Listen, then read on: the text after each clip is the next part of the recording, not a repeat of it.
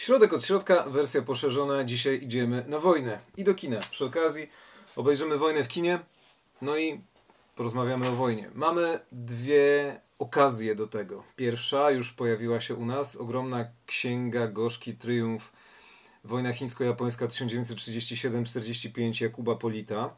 Książka, która powinna być elementem historii wykładanej w szkole, żeby lepiej zrozumieć to, co działo się na naszych frontach, bo zanim zaczęły się nasze w 1937, jak już widać na okładce, rozpoczęła się wojna w Azji, a tak naprawdę dla Chińczyków rozpoczęła się jeszcze wcześniej, bo w 1931 roku, 18 września. Ale o tym też jest mowa u Jakuba Polita. Natomiast dlaczego w kinie? Ponieważ dwa lata temu, znaczy dwa lata temu, w poprzednim roku hitem był e, w kinach i drugim najlepiej zarabiającym filmem na świecie film 800.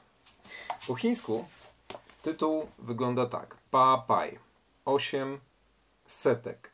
W nawiasie jest e, taka forma stu, pai, tak samo czytane, pai, pai, pisane przez B, ale czytane przez P. E, taka forma, jakiej uczy się w szkołach, ta z kluczem człowiek po lewej stronie, używana jest w dokumentach formalnych po to, żeby nie pomyliło się, żeby 100 było 100, więc żeby nie było żadnej pomyłki w zapisie formalnym 8 setek.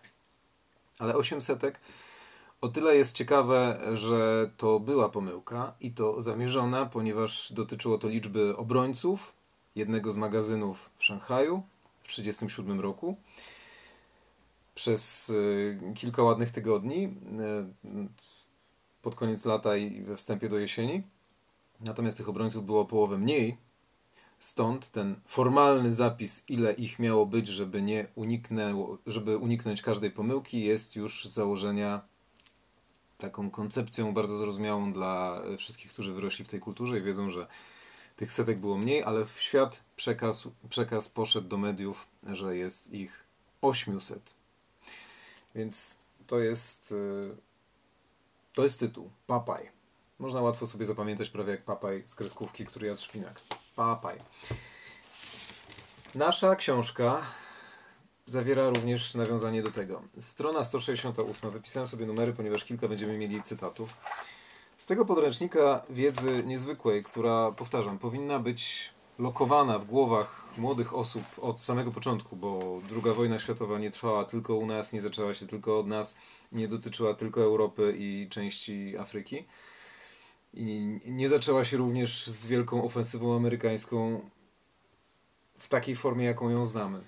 Zaczęła się bowiem w Azji, dotyczyła Azji, cała reszta była dodatkiem tak naprawdę. Dodatkiem, nie dodatkiem, ale azjatyckie ofiary, azjatycki poziom zniszczeń, azjatyckie poświęcenie dalece przewyższa ofiary na frontach znanych nam. Strona 168. Jakub Polit opisuje to, co dzieje się na filmie. Trwają walki o Szanghaj. Japończycy idą od góry. Tak jak mamy mapę, to idą tutaj jak zwykle na prognozę pogody bym się nie nadawał. Idą od Pekinu w stronę Szanghaju. Nie do końca krocząc wybrzeżem, ale poruszając się wzdłuż linii kolejowych. Teren Chin jest ogromny i tak jak Chiang Kai-shek uważał, jeżeli nawet stracimy z 15, z 18 prowincji 15, to mając trzy główne, innymi Sichuan, e, to będziemy i Yunnan będziemy w stanie się obronić. I taka była też prawda.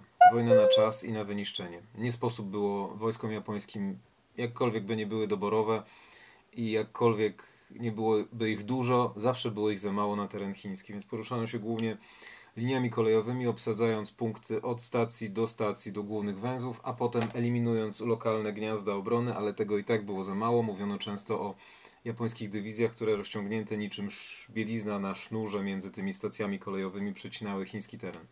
Strona 168. Jesteśmy na planie filmowym prawie, że. Chociaż lepiej byłoby, gdyby to była jedna wielka fikcja. Izolowane gniazda oporu chińskiego opierały się długo. Mówimy o magazynie Sihang w Szanghaju. W jednym z najbardziej widowiskowych, usytuowanym w wypalonym gmachu magazynu nad rzeczką Suzhou, settlementem, czyli zagraniczną koncesją, częścią osiedla wypełnioną cudzoziemcami, na zapleczu. Jego bliskość utrudniała Japończykom użycie ciężkiej artylerii.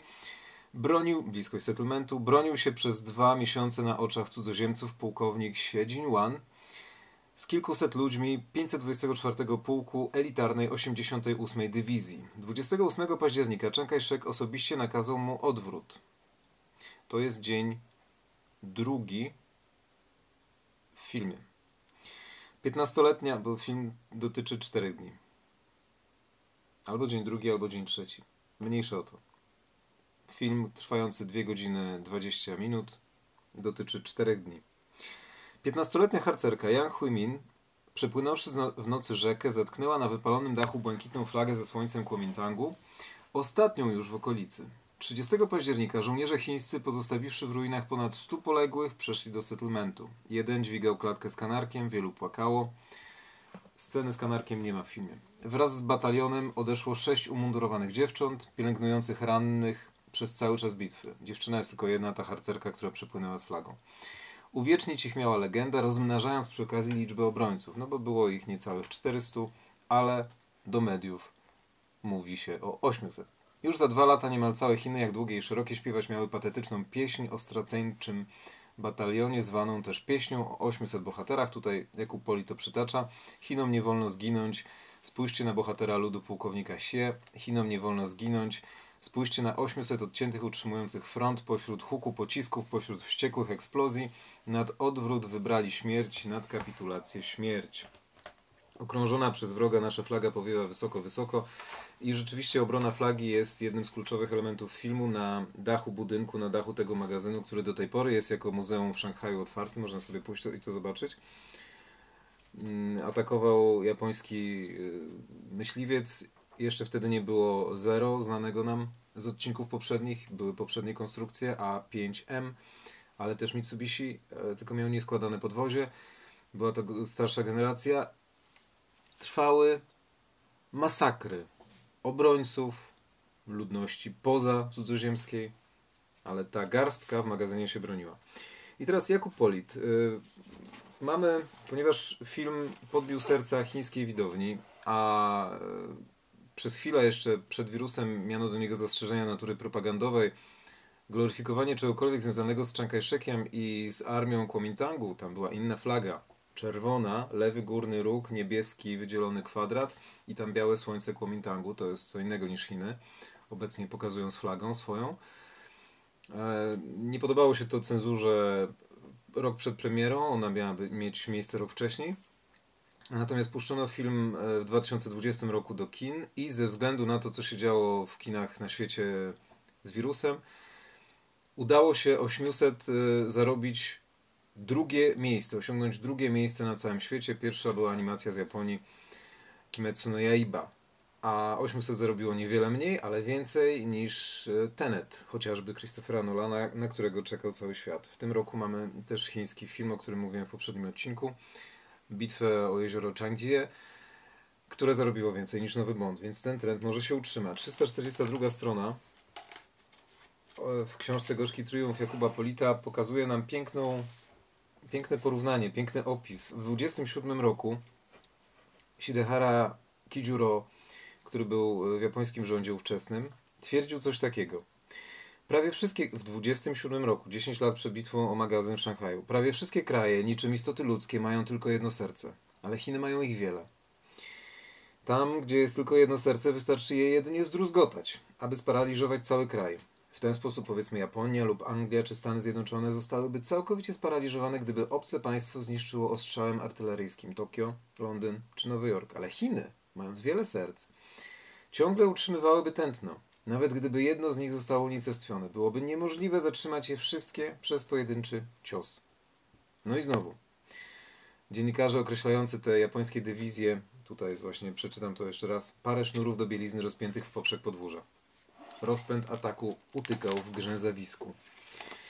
Chiny były trudne do zdobycia, serc biło wiele, a ludzie, armia broniła się o wiele zacieklej niż sądzi się do tej pory. I ten mit o nieudacznym, nieudolnym, niezdyscyplinowanym chińskim żołnierzu nie jest prawdziwy. I to, co pokazuje film 800, nie jest wyłącznie propagandą chińską. Ponieważ sama Japonia nie była do końca przekonana, nie na wszystkich kręgach władzy istniało jednolite parcie do wojny, był plan, co zrobić, żeby wojny nie było. Nazywano to operacją Funatsu. Od nazwiska i imienia biznesmena Funatsu Shinichiro, byłego konsula w Szanghaju. Jesteśmy na stronie 140. I w 1937 roku ówczesnego szefa Ligi Japońskiego Przemysłu Tekstylnego w Chinach. Wieziony przez niego plan, wieziony do e, Chin, plan mówił o unieważnieniu wszystkich dotychczasowych porozumień między Japonią a Chinami, które były oczywiście narzucane przez Japonię Chinom na przestrzeni poprzednich lat, no bo wojna dla Chin z perspektywy tamtejszej trwała od 1931 roku od września. W 1932 był ogromny nalot na Szanghaj, pierwszy nalot na ludność cywilną w Azji. Dużo, dużo przed Guerniką i w ogóle ofiary były nieporównywalnie większe. Wtedy była dzielnica robotnicza Jabei e, w Szanghaju bombardowana. I teraz tak. Plan operacji Funatsu polegał na czterech krokach. Można je podzielić na pięć, no ale czterech powiedzmy. Unieważnienie dotychczasowych porozumień. Druga część czytam dalej, strona 144. W rejonie mostu Lukou, czyli tego, co nazywamy Marco Polo, to był most e, trzciny, dosłownie. Miała powstać strefa zdemilitaryzowana. Rada polityczna, to część trzecia, Hebei i Czaharu oraz jej projapońska karykatura, czyli autonomiczny rząd wschodniego Hebei, miano rozwiązać, a, a wojska japońskie wycofać za granicę Mandżukło, czyli tego marionetkowego państwa mandżurskiego. I czwarta rzecz, w zamian Chiang Kai-shek uznałby ten ostatni twór, czyli Mandżurię, i zgłosił akces do japońsko-niemieckiego paktu antykominternowskiego, czyli antykomunistycznego, antybolszewickiego, bo to Sowietów obawiano się najbardziej. I teraz skok na stronę 339. Japonia także podczas wojny z Chinami chciała z nami, z Polską, mieć pakt antysowiecki również. Jeszcze zanim Niemcy i ZSRR podpisało pakt Ribbentrop-Mołotow w 1939 roku, co uznano ze strony japońskiej za wariactwo i rzecz, która nigdy nie miała prawa się zdarzyć, ale jednak się zdarzyła. I polski wywiad i japoński cały czas współpracowały, nawet kiedy Polska wypowiedziała Japonii wojnę, Japonia tego nie przyjęła, wywiady dalej współpracowały właśnie przeciwko ZSRR, ale Polacy uważali przy tym, strona 339, że dzieląca ich kraj od Japonii olbrzymia odległość sprawia, iż oba flankowe wobec ZSRR kraje, tak to geograficznie wyglądało, nie mogą być efektywnymi sojusznikami, skoro każdemu z nich zależy na skierowaniu ekspansji Rosjan jak najdalej od siebie, czyli w stronę tych drugich. Japonia jak najdalej od siebie w stronę nas? My jak najdalej od siebie w stronę Japonii? Japonii już graniczącej ZSRR przez Mandżurię i przez podboje chińskie i przez Koreę, to było nie do zrobienia. I potwierdziło się to oczywiście właśnie po podpisaniu paktu Ribbentrop-Mołotow. Idąc dalej, skacząc po tej książce, która jest pełna niesamowicie ciekawych rzeczy. 155 strona. Cały czas mówimy o wojnie. Ale czy wojna była? Czy ktoś ją wypowiedział? Nie. Japonia nie wypowiedziała wojny Chinom. Dlaczego? Dlatego, że straciłaby możliwość handlu ze Stanami Zjednoczonymi. Jedyna w swoim rodzaju deklaracja japońska, która padła 15 sierpnia 1937 roku, polegała na czymś takim. To była deklaracja napisana przez ministra wojny Sugiyamę. Wtedy był jeszcze Konoe Fumimaro, książę dystyngowany, nonszalancki, zdystansowany w swoim dystyngowaniu i nieobecny, trochę straceńczo patrzący na wszystko. Deklaracja brzmiała tak. Cesarstwo japońskie, pragnąc wiecznego pokoju w Azji Wschodniej, długo usiłowało popierać przyjaźń i współpracę między Japonią a Chinami. Jednak rząd nankiński, wówczas stolica była w Nankinie, czyli Nanjingu, przyjął politykę antyjapońską jako sposób agitowania narodu chińskiego i wzmocnienia swojej siły politycznej. Rząd chiński zbytnio zaufał swojej sile i nie docenił siły Japonii. W zmowie z siłami komunistycznymi przyjął on coraz bardziej prowokacyjny i obraźliwy kurs wobec Japonii. Chińczycy w nadęty sposób narzucili cesarstwu Japonii wszelki rodzaj zniewag i zagrozili życiu imieniu rezydentów japońskich w całych Chinach. Po wielkich staraniach cesarstwo japońskie wyczerpało swą cierpliwość i jest obecnie zmuszone do podjęcia zdecydowanych działań, aby ukarać ohydną armię chińską i przywrócić rządowi chińskiemu poczucie rzeczywistości to była ekspedycja karna. Cały czas. Nie wojna. To była nauczka w rozumieniu japońskim. I teraz. Jedyna w swoim rodzaju deklaracja japońska, pisze dalej Jakub Polit, nie stanowiła formalnego wypowiedzenia wojny, bo też rząd japoński nigdy jej nie wypowiedział. Cały czas to, o czym mówimy na terenie Chin, zagarnięciu ogromnej części terenu okupionej dziesiątkami milionów ofiar było jedynie incydentem japońskim. Sina, bo tak jeszcze nazywano wówczas Chiny, to jest do tej pory obraźliwe określenie, Sina Jichen, Jiken, incydent. Tak jak Manchu Jiken, incydent mandżurski z 1931 roku, z Mukdenu. Nie prowadzono wojny. Po prostu karano bandytów, chwytano i rozstrzeliwano. I teraz, prócz tradycyjnej pogardy dla Chińczyków, podszytej mocnym przekonaniem, że walki zostaną szybko zakończone, brak formalnej deklaracji wojennej spowodowany był zasadniczo jednym mocnym powodem, bowiem 30 kwietnia 1937 roku w Stanach Zjednoczonych przyjęto deklarację o neutralności i wówczas na mocy tej ustawy Stany Zjednoczone nie mogły handlować z krajami pozostającymi w stanie wojny. Japonia, uzależniona od USA w zakresie dostaw ropy, węgla i złomu, nie chciała strzelać sobie w stopę deklaracją, która zdaniem wielu polityków cesarstwa niepotrzebnie nobilitowałaby Chińczyków. Kombinowano zatem na różne sposoby. Nie było wojny, a była. I też tworzyło to precedens dla prawa międzynarodowego, kiedy wojna istnieje. Nawet bez jej wypowiedzenia twierdzono, że można jednak stwierdzić jej obecność. Masakra w Nankinie. Kiedy padł Szanghaj w listopadzie 1937 roku, w grudniu wojska japońskie weszły do Nankinu, do stolicy. Stworzono tam piekło dla mieszkańców. Chiang Kai-shek wiedział, że musi kupić czas, nie mógł oddawać miast za darmo, trzymał czas po to i wiązał siły japońskie po to, żeby swoim dywizjom, swoim oddziałom dawać wytchnienie na ucieczkę. Nankin okupił to masakrą, czymś, co można swobodnie nazwać Holokaustem, zabójstwem, mordowaniem na skalę wielodziesięciotysięczną. Nie sposób ustalić, ile osób zginęło, ale po co tyle ginęło? Japońscy przywódcy przez masakrę stolicy wroga zamierzali porazić strachem Chińczyków. To jedna, jedna z koncepcji. Jakub Polit pisze, jeżeli decydenci w Tokio rzeczywiście liczyli na tego rodzaju efekt masakry, mieli się srodze zawieść. To nie dało nic. Nankińska hekatomba zbiegła się z wręczeniem niemieckiemu ambasadorowi w Tokio, Dirksenowi, od dawna wyczekiwanej odpowiedzi na hitlerowską ofertę mediacyjną. Mało się o tym wie, ale tak jak pakt antykominternowski obowiązywał Japonię i Niemcy, później dokoptowano do tego Włochy, jako oś to Niemcy hitlerowskie tak samo dawały pomoc armii narodowej, nacjonalistycznej, to nacjonalistyczna nie jest dobrym tłumaczeniem na polskiej armii narodowej Chiang Kai-sheka. I nawet właśnie w filmie 800 cały oddział, nie 800, bo mniejszy, jest wyposażony w niemiecką broń. Niemieckie hełmy, niemieckie wyposażenie, wszystko niemieckie. Zamiast symboli tylko niemieckich, jakie znamy hitlerowskich, jakie znamy z filmów i jeżeli ktoś się zajmuje to z modelarstwa drugowojennego, tutaj była gwiazda, taka kokarda, jak to się określa, na niebieskim kółku Białe Słońce Kuomintangu. A tak wszystko bazujące na niemieckim wyposażeniu.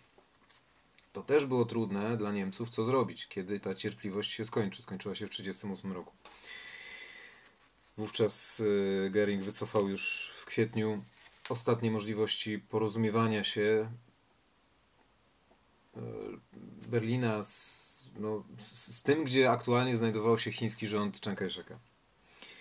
Chiny, zdaniem Japonii, miały skoordynować swą politykę zagraniczną sprowadzoną przez Japonię i Mandżukło, dołączyć do paktu antykominternowskiego, zgodzić się na stacjonowanie wojsk cesarskich w Mongolii wewnętrznej, Chinach północnych i środkowych, przy czym Mongolia otrzymać miała reżim w w istocie zupełnie niezależny i jeszcze zapłacić do tego kontrybucję. To dostał ambasador Niemiec w Tokio. Dla współczesnych, podobnie jak dla historyków, było rzeczą oczywistą, iż formułując owe warunki, obraźliwe nie tylko dla Chin, ale i dla mediującej Rzeszy, rząd cesarski, czyli japoński, miał na celu unicestwienie jakichkolwiek negocjacji. No i tyle. I nie było już o czym rozmawiać. Z początkiem nowego roku 1938 na szczytach władzy w Tokio dobiegała bowiem końca zajadła batalia polityczna, w której zwolennicy dojścia do jakiegokolwiek modus vivendi z kuomintangowskimi Chinami ponieśli ostateczną klęskę. 14 grudnia tekę ministra spraw wewnętrznych otrzymał admirał Suetsugu Nobumasa, reprezentant skrajnie agresywnego skrzydła floty, godny partner generała Sugiyamy od armii. Był podział. Minister floty i minister armii. Jak się spotykano w pięciu, był premier, armia, flota, finanse i resort spraw zagranicznych.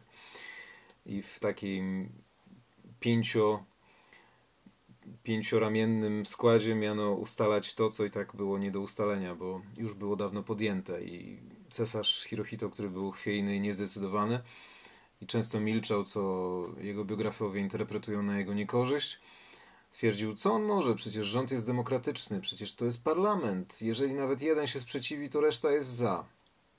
A poczynania armii już dawno wymknęły się spod, kontroli. spod kontroli.